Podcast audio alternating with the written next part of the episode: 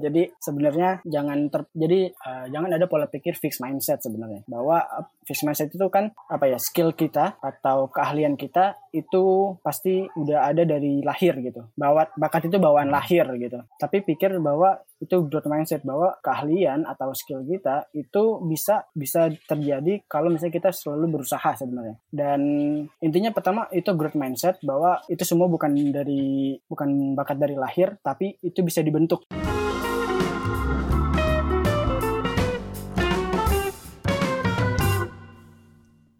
Selamat datang di Ceritanya Developer, podcast yang menampilkan developer, programmer, atau engineer Indonesia inspiratif yang tersebar di seluruh dunia. Podcast ini disponsori oleh Showcase.com. Showcase adalah sebuah jaringan profesional yang dibuat oleh dan untuk developer sebagai tempat untuk berkoneksi, membangun komunitas, dan menemukan peluang baru. Bersama saya Riza, kita akan menggali bagaimana mereka berjuang, suka dukanya dalam perjalanan karir, hingga kesalahan konyol saat ngoding. Nah, narasumber kita yang satu ini dengar-dengar kabar katanya uh, pendengar setia nih, sering dengerin uh, podcast ceritanya developer, dan sekarang diundang untuk menjadi narasumber banyak cerita yang menarik yang bisa kita gali dari sosok yang satu ini. Langsung aja kita sambut Diva Fatan Margono. Halo Diva, atau Fatan ya? Fatan. Halo Mas, boleh panggil Fatan Mas Riza. boleh panggil Fatan. Halo, gimana kabarnya? Alhamdulillah baik Mas Riza. Gimana Mas Riza kabarnya juga? Alhamdulillah baik juga. Fatan uh, domisili di mana? Di Jakarta Mas Riza. Oh di Jakarta. Oke. Okay. Iya. Kita cerita-cerita sedikit ya. Ini Fatan ini sosok yang buat kita cukup menarik karena yang pertama adalah tidak punya background pemrograman, kemudian SMK-nya pun akuntansi, terus uh, belum kuliah juga, belajarnya otodidak, terus sekarang sudah bekerja di salah satu perusahaan Singapura ya. Saya pengen tahu ceritanya tuh, jalan ceritanya dari awal, gimana ketertarikan ke komputer dan programming? Awalnya sih ini masih pas uh, kelas 3 SMP itu udah mulai punya HP Samsung Galaxy Young lah ya. Nah itu di situ akhirnya kayak ngulik-ngulik itu ada namanya ngoprek-ngoprek gitu oprek HP Samsung gitu kan. Kayak install custom room TWRP ngubah-ngubah UI gitu di OS-nya. Yeah. Nah dari situ kayak oh ini ini kok keren juga ya, kok bisa begini ya? Orang-orang yang bikin gimana ya caranya gitu. Akhirnya ya udah tuh, wah kayaknya kalau kalau seperti ini, kalau pengen kayak gini harus kuliah, harus masuk ke IT nih, kayaknya seru gitu. Nah dari situ tuh awal ketertarikannya pas 3 SMP. Terus lulus SMP itu baru deh tuh pengennya udah nentuin mau masuk SMK negeri eh, dan itu yang jurusannya IT. Hmm. Jadi kan ada, ada tiga pilihan tuh ya, tiga, tiga pilihan SMK. Pilih tuh semuanya jurusan IT. Nah, sayangnya mungkin waktu itu kayak IT itu emang masih jurusan IT itu kayak masih sedikit ya, hanya SMK, SMK unggulan aja tuh yang punya. Hmm. Akhirnya di situ tuh, wah itu semuanya ketendang nggak masuk sama sekali karena name-nya waktu itu kecil. Oke. okay. Nah, akhirnya karena waktunya udah mepet nggak bisa kayak pakai gelombang kedua mau nggak mau ya udah masuk ke sekolah swasta dekat rumah yang terjangkau. Nah di situ eh, mau coba usahain mau masuk yang agak relate ke IT gitu. Dulu jadi di situ ada ada multimedia, ada akuntansi, administrasi per, perkantoran sama tata niaga. Kan yang paling relate kan multimedia ya. Jadi kayak ada mungkin kayak ngedit video atau apa gitu kan. Nah, ternyata di situ tuh sayangnya dia cuma buka satu kelas dan itu udah full. Oh. gitu. Dari situ ya udah akhirnya masuk ke pilihnya akuntansi aja karena kebetulan ibu sama kakak itu kan akuntansi. Dari situ ya udah. Hmm. Karena oh ya udah mungkin kalau misalnya nanti kebingungan ibu atau kakak bisa ngebantu gitu kalau proses belajar. Karena karena udah punya background itu. Gitu sih. Itu awal itu hmm. awalnya masa akuntansi. Oh, nah, oke. Okay. SMK-nya itu sih nggak nggak ngulik sama sekali tentang pemrograman ya Mas Riza ya. Hmm. Jadi itu kayak kayak uh, komputer biasa punya untungnya punya laptop cuma bu cuma ngulik-ngulik kontrol panel, buka-buka network kayak gitu-gitu aja. Yang penting basic uh, kita ngoperasin komputer tuh bisa deh intinya gitu. Nah, lulus SMK itu baru deh tuh kan aku udah mulai cari kerjaan tuh ya. Akhirnya tanya temen temen rumah gitu. Temen rumah, eh lu ada kerjaan nggak? Buat gue kebetulan uh, temanku ini udah kerja juga gitu. Di situ dia nanya intinya intinya sih dia kayak bilang kayak gini lu mau kerja apa aja kan? Gitu. Ya lu mau belajar nggak? Tapi tempat gue sih nerima buat belajar gitu. Kalau mau nih coba lu lamar aja di sini gitu. Ini perusahaan apaan emang? Udah lu lamar aja. Nanti kalau udah dipanggil interview lu tinggal cari tahu di Google buka websitenya. Oh iya iya benar-benar. Oke deh kalau gitu. Uh, singkat cerita masuk interview tuh. Dapat interview tesnya itu tes komputer tentang Excel juga alhamdulillahnya lolos nah di situ ditanyain kamu punya background IT nggak sama, sama interviewernya Habis itu, e, kamu tahu PHP nggak? HTML? Waduh, apa itu kan? Sama sekali nggak tahu. Wah, aku tuh sebenarnya kikuk sama takut juga ngejawab. Waduh, ini gimana nih? Akhirnya jawab, iya bu, saya bukan bukan background IT, saya nggak punya background IT dan saya nggak nggak belum ngerti apa yang tadi ibu sebutkan. Nah gitu. Tapi habis itu dia interviewnya bilang, tapi mau belajar. Wah, di situ kaget tuh. Wah, uh, langsung aja mau bu saya mau belajar kok. Saya saya juga kiranya uh, hanya untuk background IT aja. Ternyata kalau misalnya ini bisa saya saya mau belajar. Nah dari situ itu mulai interview itu masuk deh. Jadi kalau udah lulus interview itu nanti ada namanya program ODP selama enam bulan. Nanti di training. Dari kayak basic pemrograman sampai intinya kalau udah lulus baru bisa jadi karyawan kayak gitu sih Mas Riza. Oke oke, tapi menarik sekali ya uh, kantornya ya, walaupun kita belum ada skillnya, tapi mereka tetap menerima yang penting mau belajar ya. Attitude yang di, diutamakan ya berarti ya. Betul. Uh-uh.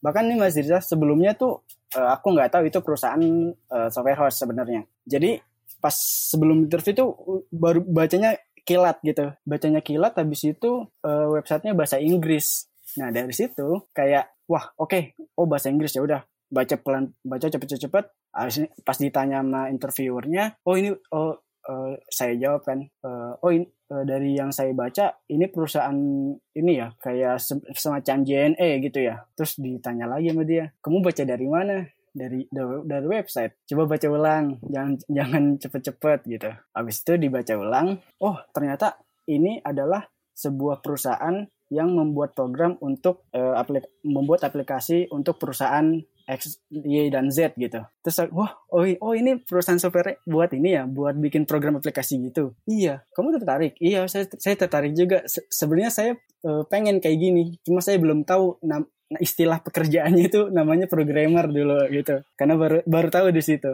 Akhirnya dari situ baru dia lulus uh, masuk ke interview, eh lolos interview, mulai kerja gitu mulai latihan. Mulai kerja. Kerjanya sebagai? Uh, jadi ODP itu kayak masih serabutan sebenarnya. Jadi kita belajar kayak PHP juga, terus belajar okay. uh, eh, Oracle, Oracle mm -hmm. SQL. Habis itu jadi kayak gimana cara jawab pertanyaan ke customer. Intinya semuanya serabutan tuh. Nah kayak gitu.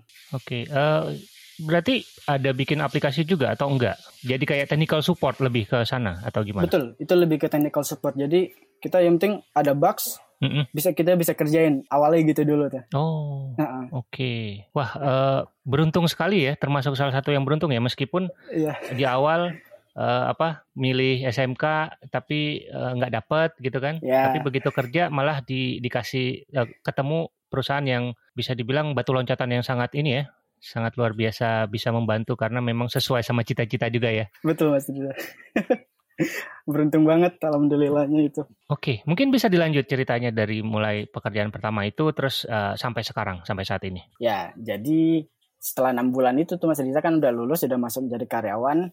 Nah, itu so far so good tuh uh, selama satu tahun pertama gitu. Nah, abis itu di tahun apa ya, udah mulai tahun kedua, hampir mau tahun kedua, itu udah kayak ada bisikan-bisikan bisikan gaib lah ya. Wah ini kalau misalnya saya keluar dari sini, kira-kira saya udah bisa disebut programmer belum ya? Kayak gitu. Saya saya uh, skill saya masih akan diakui nggak ya di luar gitu. Karena setelah ada bisikan kayak gitu jadi kayak mikir uh, oh iya ternyata gue selama ini uh, ngoding itu hanya ini aplikasi sudah ada dan udah ada contohnya rata-rata gitu kan kalau misalnya kita buat fitur oh nih kamu tinggal copy nih dari sini copy dari menu ini tinggal rubah dikit-dikit. Nah selama itu cuma itu doang. Akhirnya oh iya ternyata kayaknya kalau saya ini saya nggak saya ke tempat lain saya masih belum bisa.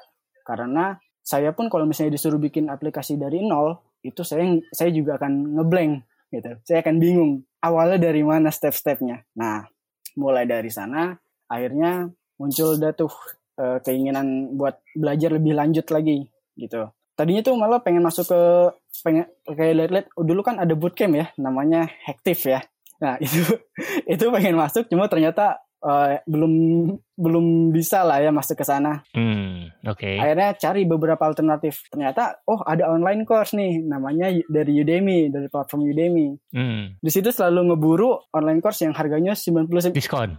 iya, harganya 99 ribu. Oke, oke. Gitu. Course apa pun ya udah ambil. Yeah. Nah, dari situ belajar deh tuh belajar. Akhirnya uh, waktu itu aku pilih uh, bahasanya JavaScript Mas Rifa JavaScript oke. Okay. karena lebih dinamis ya dan gampang di, lebih mudah gitu daripada bahasa Java waktu itu. Karena sebelumnya sempat belajar juga Java tapi karena belum mudeng dengan konsep pemrograman apalagi ada OOP-nya berhenti di tengah jalan. Kayak ngerasa bego banget.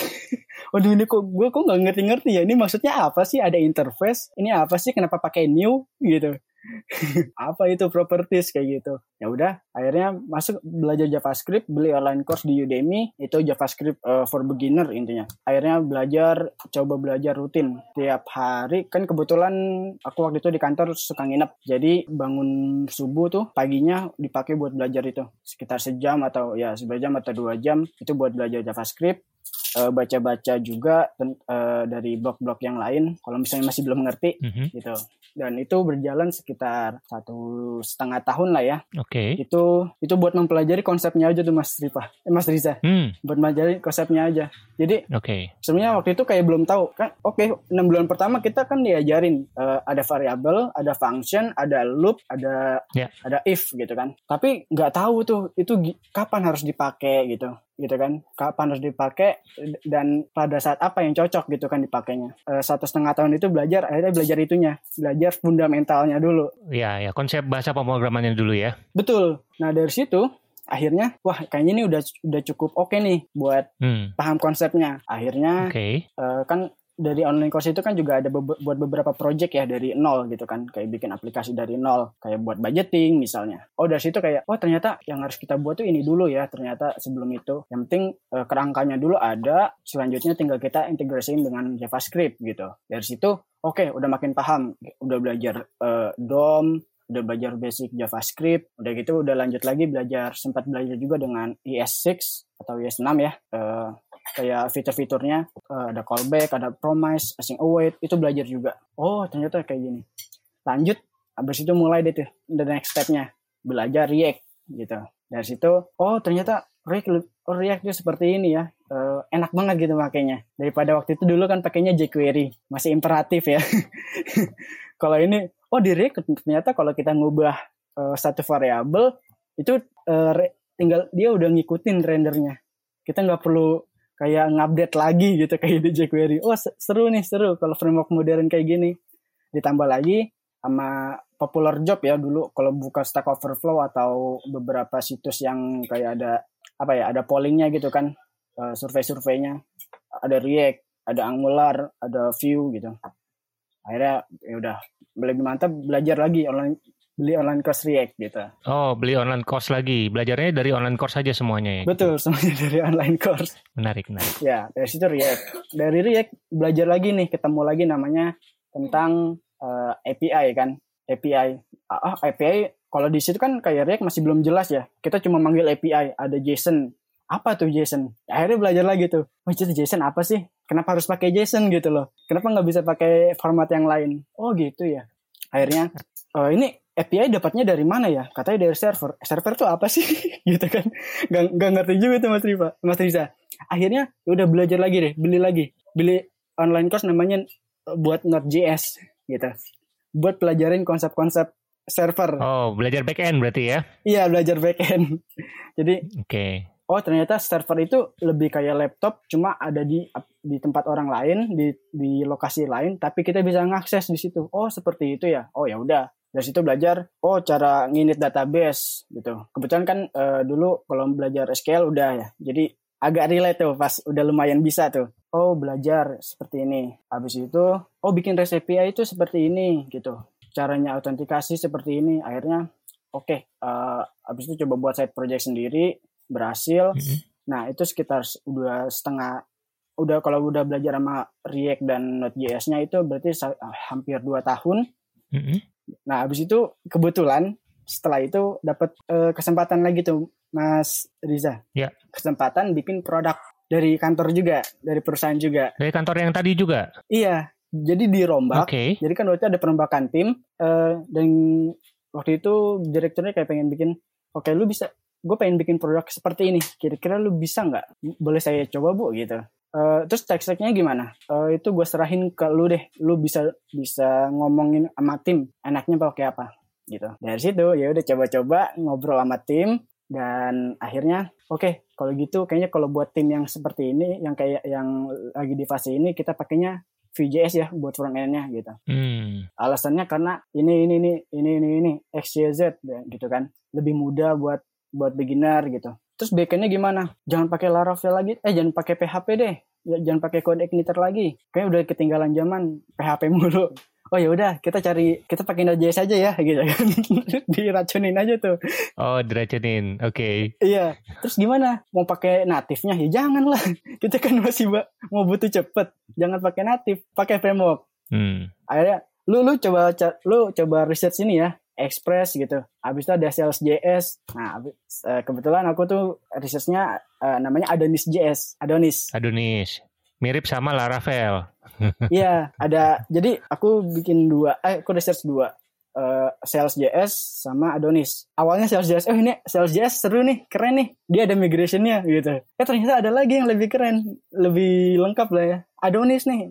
Hmm, oh iya. Adonis. Ya udahlah, ya udah kayak gitu gas aja kita pakai Adonis gitu. Hmm. Dari situ udah tuh kita nggak udah mulai buat kerangkanya. Di situ aku udah mulai bisa kayak oh ya berarti kita bikin loginnya dulu nih gitu. Hmm. Terus kita bikin autentikasi. Dari view-nya pun juga oh kita pakai view router, abis itu pakai yang ada guardia, ada root guardnya gimana. Oke, okay. mm-hmm. dari situ udah kebentuk mulai polanya gitu. Akhirnya dari situ uh, sekitar udah setahunan udah udah bikin produknya gitu karena kan masih sedikit orangnya. Uh, akhirnya udah mulai kelihatan basic pro, basic produknya seperti apa. Karena dan kebetulan itu produknya akuntansi buat akunting. Oh. Gitu. Jadi iya jadi aku familiar juga ya berarti ya. jadi aku sedikit ada pengetahuan di sana jadi lebih relate gitu. Hmm, nah. betul. Oh ya udah. Jadi lebih gampang mappingnya gitu kan. Uh, berapa lama tuh dihabiskan untuk menyelesaikan proyeknya? Itu satu setengah tahun itu buat eh satu tahun ya. Kita jadi satu tahun itu buat MVP ya, buat MVP-nya. Jadi buat okay. basic accounting. Berapa satu timnya berapa orang tuh? waktu itu sih masih dua atau tiga. oh, dua atau tiga. Dan ketiga-tiganya sambil belajar gitu ya, ngerjain sambil belajar gitu ya. Betul. Wow, oke, okay. mantap gitu. mantap. Nah, uh, terus sampai apa? Uh, boleh di apa diceritakan singkat juga mulai dari tadi kan ini masih pekerjaan di kantor yang pertama kan uh, mm -mm. terus ke kantor berikutnya boleh mungkin di, uh, diceritakan uh, singkat oke okay. kalau pekerjaan kantor selanjutnya itu kebetulan uh, di kantor yang yang pertama ini udah lima tahun tahun 2022 kemarin. Oke. Okay. Dan ya, jadi uh, caranya pindah ke kantor selanjutnya itu uh, awalnya sebenarnya ngelihat di Telegram sih, Mas Riza. Yeah. Ngelihat di Telegram ada job, ada yang posting job nih tentang company ini. Hmm, lowongan ya. Hmm. Lowongan. Lowongan, wah, ini dari bulan Januari 2022. Oke. Okay. Oke, okay, ya udah cuma sekedar lewat aja tuh oke okay. lanjut Februari oh ada lagi oke okay deh ya udahlah kan belum ada pikiran mau ke sana gitu eh Mar eh Maret ternyata ada lagi. Wah ini kayaknya apa dia mereka butuh banyak kali ya gitu kan? Mungkin butuh banyak atau belum dapat oh dia nyari terus ya? Perusahaannya sama iya. uh, posting terus gitu ya? Oh oke. Okay. ah ini mah kayaknya banyak ya. Kayaknya lagi butuh banyak ya. Udah coba aja deh gitu. Oke. Okay. itu okay jobnya tuh role-nya title-nya sih senior front end engineer. Cuma ya udah coba aja. Nothing tulus ini gitu kan. Oke. Okay. gitu. Uh, akhirnya coba kirim uh, risamnya, kirim CV-nya. Uh, ah, Besoknya yeah. kepanggil uh, dapat hmm. undangan interview. Awalnya nih Mas Riza kayak hmm. ogah-ogahan aja kayak e, kamu bisa kamu bisa ini enggak ya? Kamu bisa ini enggak ya? Kan dia sebelum ada sebelum ada kayak jadwal interview dia nanya kamu hmm. kamu bisa cepet nggak ya join cepet gitu one one man notice gitu kan uh, abis itu aku bilang uh, wah kayaknya aku bisanya ini deh tiga bulan gitu. Karena itu habis lebaran. Oke oke. Gitu kan. Okay. terus dia terus dibales uh, hmm. gak bis ya itu mah kelamaan. Kalau gitu kan pakai bahasa Inggris ya? Itu itu, Hmm. itu kelamaan. Bi- kalau gitu mendingan jangan deh ya karena ngabisin waktu sama-sama ngabisin waktu kita juga. Hmm. akhirnya coba coba lobby lagi Eh, kayaknya bis, eh, saya coba ngomong dulu ya sama bos saya kira kayaknya mungkin besok bisa deh gitu one no- diusahakan notice gitu kan Oke. Oke. akhirnya oh yaudah kalau gitu besok ya kita lan- kita interview gitu Hmm. ya udah interview interviewnya pakai bahasa Inggris dan interview pertama itu saya kayak pengalaman pertama agak canggung juga kan sama, sama bahasa Inggris mana bahasa Inggrisnya belum jago banget jawab seadanya aja Oke. suruh j- ceritain diri kita gimana pakai bahasa Inggris gitu kan Standar lah ya, standar interview ya. dan ternyata dari situ itu interview buat ngefilter kayak kita bisa bahasa Inggrisnya atau enggak lan- lancar atau enggak Oh, oke. buat komunikasi sama tim. Habis itu lolos ternyata lolos, lolos dari sana dapat coding interview coding, tes coding, tes coding, online online tes coding. Nah, Hmm. di situ ini, ini menarik nih. Jadi nyoba eh, sosokan jadi pas dapat eh, tes coding itu kan agak sorean. Mau kerjanya malam, langsung kan malam. Oke. Malam padahal eh, otak itu udah kayak nggak bisa mikir ya kan kayak ya udahlah Iya, udah seharian kerja gitu ya. Iya. akhirnya dicoba wah ada sebenarnya ada tiga soal tentang array gitu kan manipulasi array manipulasi data wah gila ini susah banget masalahnya adalah ada dua soal itu kayak kita nggak ngerti maksud maksudnya itu suruh gimana sebenarnya itu Maksud pertanyaannya apa gitu ya? Hmm. iya maksud pertanyaannya apa walaupun udah ada test case-nya gitu wah nggak bisa nih gue nih kayaknya gue emang gak cocok dah kayak begini kayaknya kayaknya gue cuma sampai sini aja Imposter ya langsung ya, langsung minder ya. Iya, udah udah gitu langsung minder. Kayaknya masih skill gue masih belum cukup. Ya udahlah. Tapi nggak disubmit, nggak disubmit. Ya udah, oke, lupakan gitu kan. Lupakan. Nah, Iya, ternyata seminggu kemudian dit- ditagih. Ternyata ditanyain sama interview sama orangnya. oke. Eh kamu ini belum ini ya? Kamu belum, iya belum submit ya? Langsung aja. Oh iya, emang masih boleh ya? Iya, kamu mau kerjain kapan? Hari ini deh. Kap- mungkin bisa malam ini. Akhirnya coba itu malam. Itu sekitar jam 6 Jadi masih agak fresh dikit. Oke. kerjain coba baca pelan-pelan akhirnya oh ternyata maksudnya ini. Gitu. Kita tahu oh ternyata maksud dari soal itu ini. Ya udah coba cari. Habis itu kayak ada ada soal terakhir yang sebenarnya tentang Fibonacci yang kita sama sekali nggak tahu. Hmm. coba dicari. Habis habis itu tanya teman Fibonacci apa sih? Itu kayak dari 01 01 jadi 1 1 2 gitu kan berurutan kayak gitu. Oh gitu. Ya. ya udah langsung cari keywordnya gimana? Oh oke. Ya udah kerjain.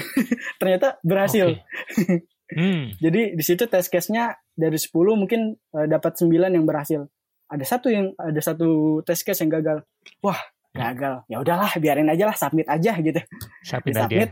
Iya, submit. Submit. Oh, ternyata lulus besoknya. Besoknya dapat oh, kamu kamu lulus ko- coding testnya nih ya. Kamu besok eh, nanti akan saya jadwalkan dengan user interview gitu. Sama head engineer-nya langsung. Oh, oke. Iya. Habis itu galak dari sana langsung ke sama interview dengan head engineer-nya ternyata live coding. Jadi dia nanyain tentang konsep JavaScript gitu. Oke. Lebih eh, bukan yang basic lagi tapi lebih ke yang advance-nya ya kayak coba bikin callback gimana. Oke. Oh gitu. Oke, Hmm. callback. Habis itu eh, kalau gua coba eh, bikin gimana caranya nge-fetch eh, data dari API ini. Oke, kayak gini. Jangan pakai kan kan langsung pakai async await ya dari fetch gitu kan async await. Oh iya, iya, async wait. Jangan pakai async wait. Iya, jangan pakai async await. Iya, pakai promise. Oke. Oke. Oh ya udah, gue saya coba deh. Oke, cool. Lanjut deh tuh. Oke, cool. Eh, sekarang coba pakai async await, Hmm. pakai async await. Oh ya udah, tinggal rubah-rubah gitu kan. Iya. Oke bisa. Eh ternyata ada tes lagi tentang dia nanya tentang TypeScript, basic TypeScript. Kalau misalnya tipenya kayak gini dan ininya kayak gini, kira-kira ini ini boleh nggak nih katanya? Eh, oh itu kalau itu sih kayaknya nggak bisa karena kenapa? Karena itu objeknya di situ, eh, karena itu cuma isinya ada itu doang. Karena itu itu basic Java, basic TypeScript kan ya. Aku aku belum bisa juga. Hanya kira-kira Belum eh, belum belajar TypeScript waktu pada saat itu ya. betul belum belajar, cuma ngira-ngira aja. Tapi eh, pakai itu aja, kira-kira aja jawabannya. Betul kira-kira aja, Nebak ya. nebak aja. Oke. Oh gitu, oke, cool kata kata dia- kata dia gitu. Ternyata benar jawabannya. Ter- ternyata benar. Nah, ternyata benar.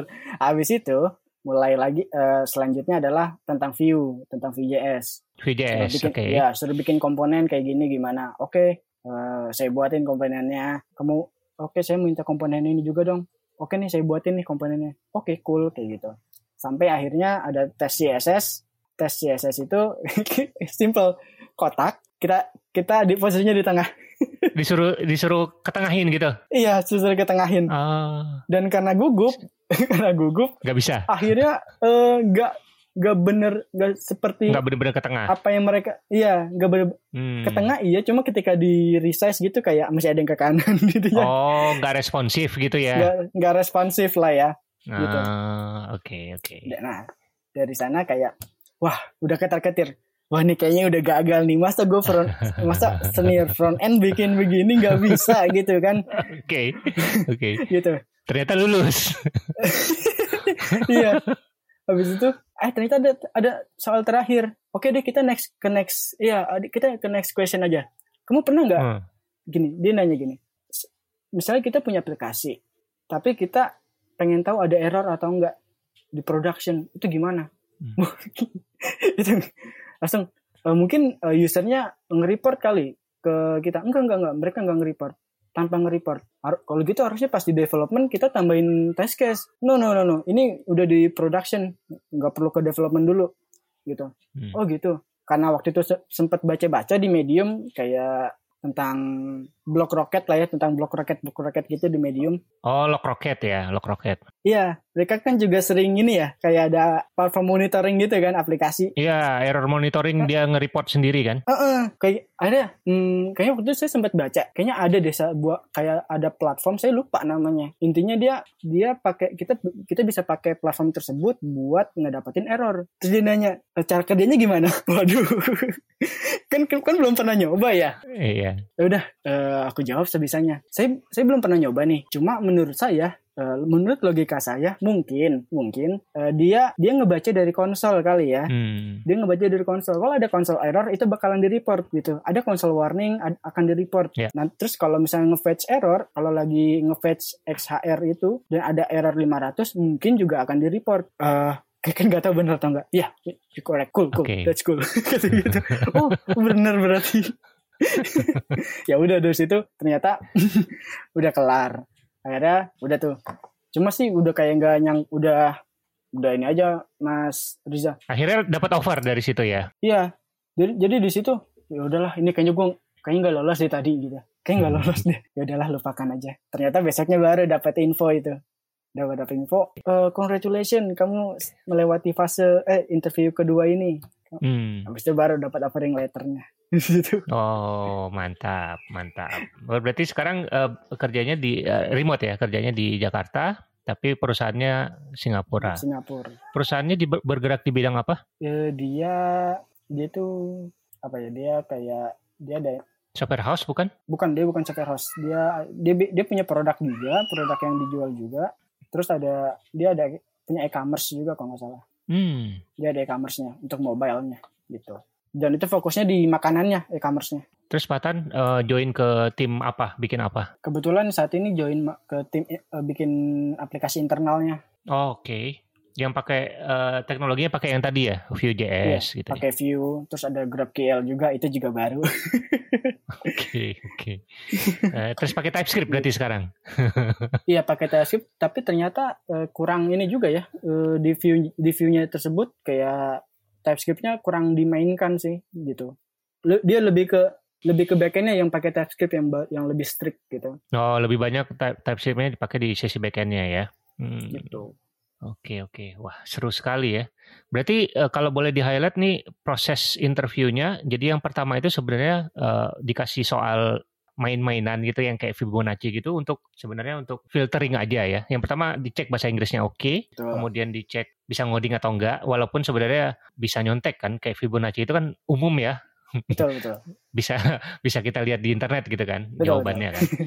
Terus habis itu baru eh, interview langsung sama eh, engineer-nya atau head of engineer-nya nah, langsung dites eh, coding interview tapi coding interviewnya praktikal ya suruh fetch eh, ah, suruh fetch terus bikin komponen gitu ya ngecek Betul. error gitu ya oke Heeh. setelah itu baru over gitu ya. Oke okay, oke, okay. seru juga. Kalau ini apa uh, mungkin bisa di-share ya uh, Fatan. Fatan kan pernah ikutan uh, uh, mentor ya, mentor mentorship ya sama salah satu uh, yang bikin podcast juga ya, iya, podcast iya, sebelah.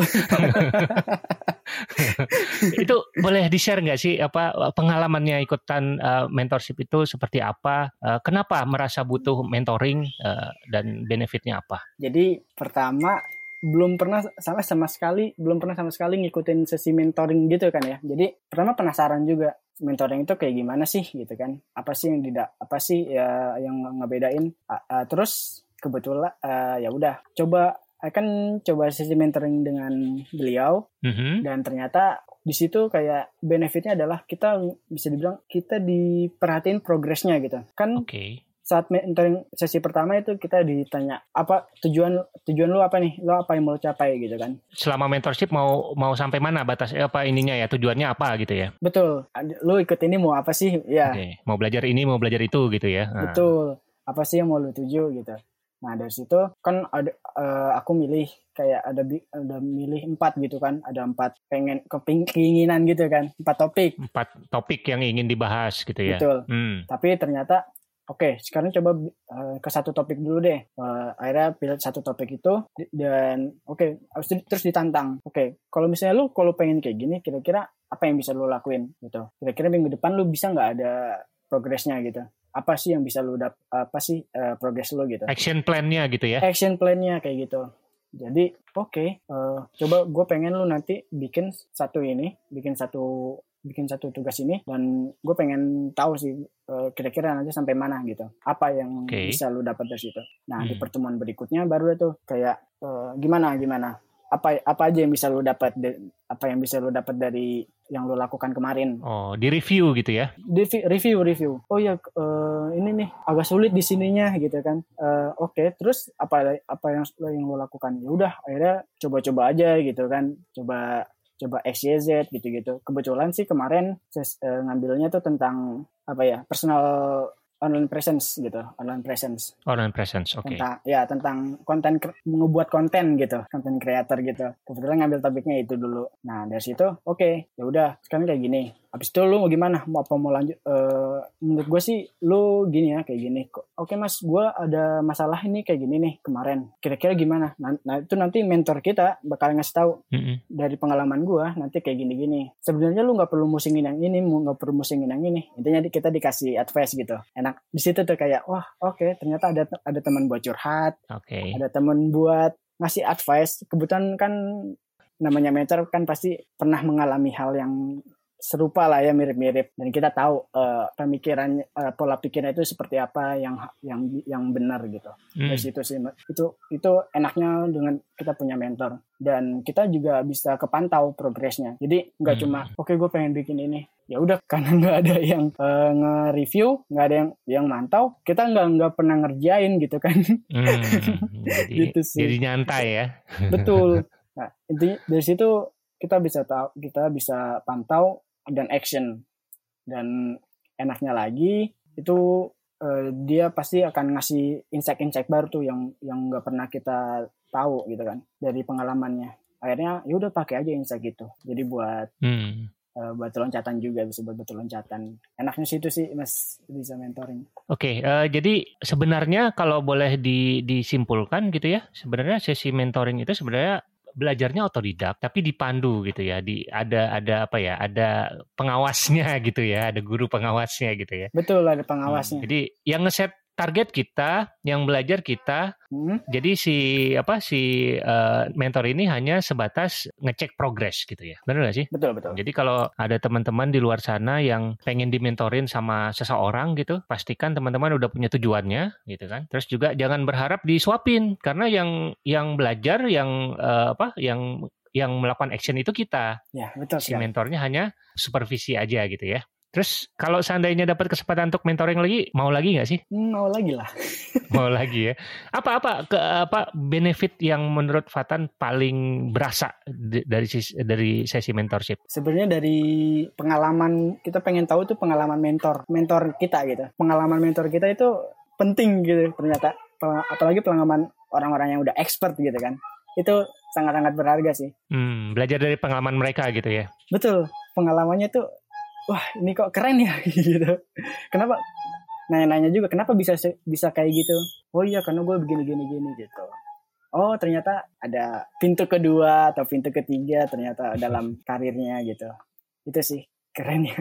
Oke okay, oke. Okay. Uh, terus juga oh iya ini apa uh, beberapa minggu terakhir juga ngelihat di sosial media kan uh, Fatan itu sangat apa ya uh, cukup ini ya cukup sering posting di Twitter salah satunya ya. Dan uh, yang terakhir itu kan suka apa uh, pengen set goal tapi di online di sosial media kan pengen kerja di luar negeri kan ceritanya ya kemarin ya. Iya betul. Itu boleh tahu nggak sih alasannya kenapa gitu? Kenapa kok uh, ada tujuan hidup? Ini kan tujuan hidup ya di share ke orang banyak gitu. Kenapa? Uh, jadi gini mas Riza kebetulan ini pun podcast ini uh, aku juga bikin di Twitter sebenarnya. Oh iya iya iya ada uh, uh, summary summary-nya ya.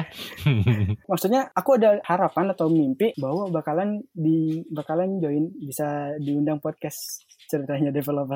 Oke, oke. Oh, punya tujuan itu ya ke sana ya. Hmm. Ah, aku aku posting itu di Twitter. Ya. Yeah. Dan intinya banyak yang aku coba posting di Twitter mungkin dengan hal itu ada orang yang lihat dan ada yang mendoakan juga gitu. Aku mikirnya gitu mungkin ada yang ngaminin gitu. Kalau doa baik pasti kan akan pasti ada. Pasti ada. Nggak mungkin orang doain yang jahat jahat pasti akan dikabulkan gitu kan. Kan nggak bisa gitu juga gitu. Akhirnya coba di situ. Karena tahun lalu pun tahun lalu itu aku udah ngeset goal bahwa aku bakalan pengen jadi remote software engineer untuk perusahaan luar negeri juga. Hmm, dan kesampaian ya? Kejadian ya? Dan kesampaian di tahun depan tahun ini. Oke. Okay. gitu. Dan jadi dari situ kayak mungkin dengan itu ada yang mendoakan bahwa itu akan jadi kejadian dan itu bisa jadi parameter kita juga bahwa oke okay, gue pernah posting ini gue pas gue harus bisa nih uh, mencapai itu atau setidaknya membuktikan atau mendekati ber, berusaha mencapai itu. Nah dari, dari situ oh akhirnya dapat kesimpulan pendek ya dengan pengalaman pendek itu eh, udah apa kalau ada hal-hal baik coba coba aja mau disampaikan gitu. Sebenarnya gitu. Siapa tahu ada yang mengaminkan atau ada yang mensupport gitu. Karena kita kalau oh oh oh ini nih. Dia pengen ke sini juga nih gitu kan. Coba aja gitu. Hmm. oh bareng deh bareng.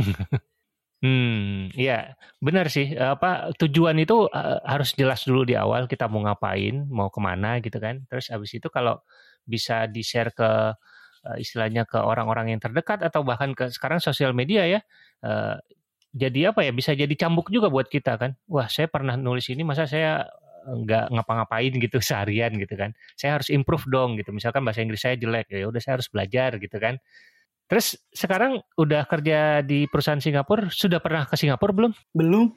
oh belum ya, belum diundang ke sana ya?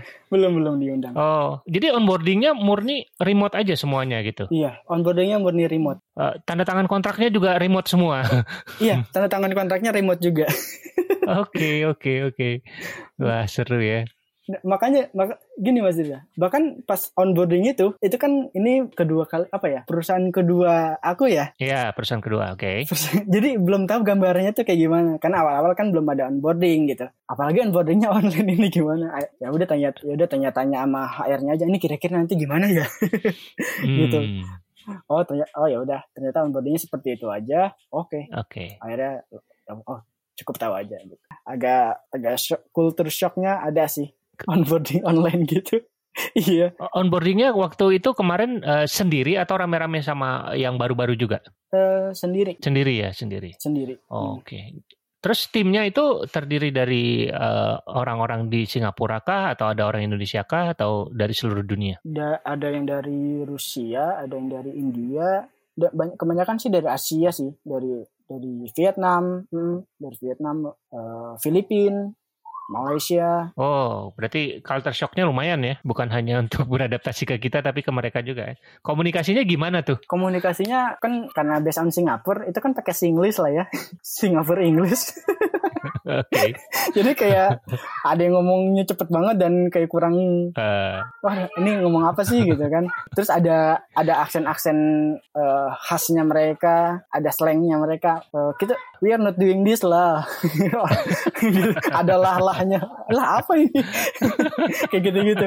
Jadi ya udah mencoba terbiasa aja sebenarnya. Uh, Oke. Okay. Uh, akhir-akhir ini Fatan lagi uh, ngulik uh, teknologi apa? Lagi ngulik TypeScript sebenarnya lagi ngulik TypeScript iya buat buat di kantor juga ya uh, buat kantor iya tapi lebih ke buat ini buat nanti belajar mau belajar Deno oh belajar Deno okay. iya kayaknya nih Deno bakalan ini sih ada jadi kayaknya ada game changer juga nih dapat oh. dapat investor dia. oh iya iya iya Deno baru ini ya. Hmm. Ada lagi kan yang muncul yang baru tuh apa Bun Bun JS tuh. Ah iya Bun JS runtime runtime-nya yang cepet-cepet itu. iya yang cepet-cepet itu. Nah, uh, kalau ini nih tips buat teman-teman yang hmm. apa yang mendengarkan Kira-kira kalau misalkan, wah saya pengen nih jadi developer, kira-kira ada tips nggak dari Fatan untuk belajar programming? Ada sih Mas Riza. Jadi sebenarnya jangan ter, jadi uh, jangan ada pola pikir fix mindset sebenarnya bahwa uh, fix mindset itu kan apa ya skill kita atau keahlian kita itu pasti udah ada dari lahir gitu. Bahwa bakat itu bawaan lahir gitu. Tapi pikir bahwa itu growth mindset bahwa keahlian atau skill kita itu bisa bisa terjadi kalau misalnya kita selalu berusaha sebenarnya. Dan intinya pertama itu growth mindset bahwa itu semua bukan dari bukan bakat dari lahir tapi itu bisa dibentuk. Bisa dipelajari. Bisa dipelajari. Itu itu yang pertama. Terus yang kedua ini karena aku sebagai di programmer di web, software engineer di web, paling yang yeah. kalau tips dari aku sih pertama pelajarin uh, web 101 ya, mm. uh, tentang konsep website gitu karena ternyata dulu aku tuh ngeskip, ngeskip itu karena kan dulu kurikulumnya kurang ya. Jadi agak, agak agak berantakan.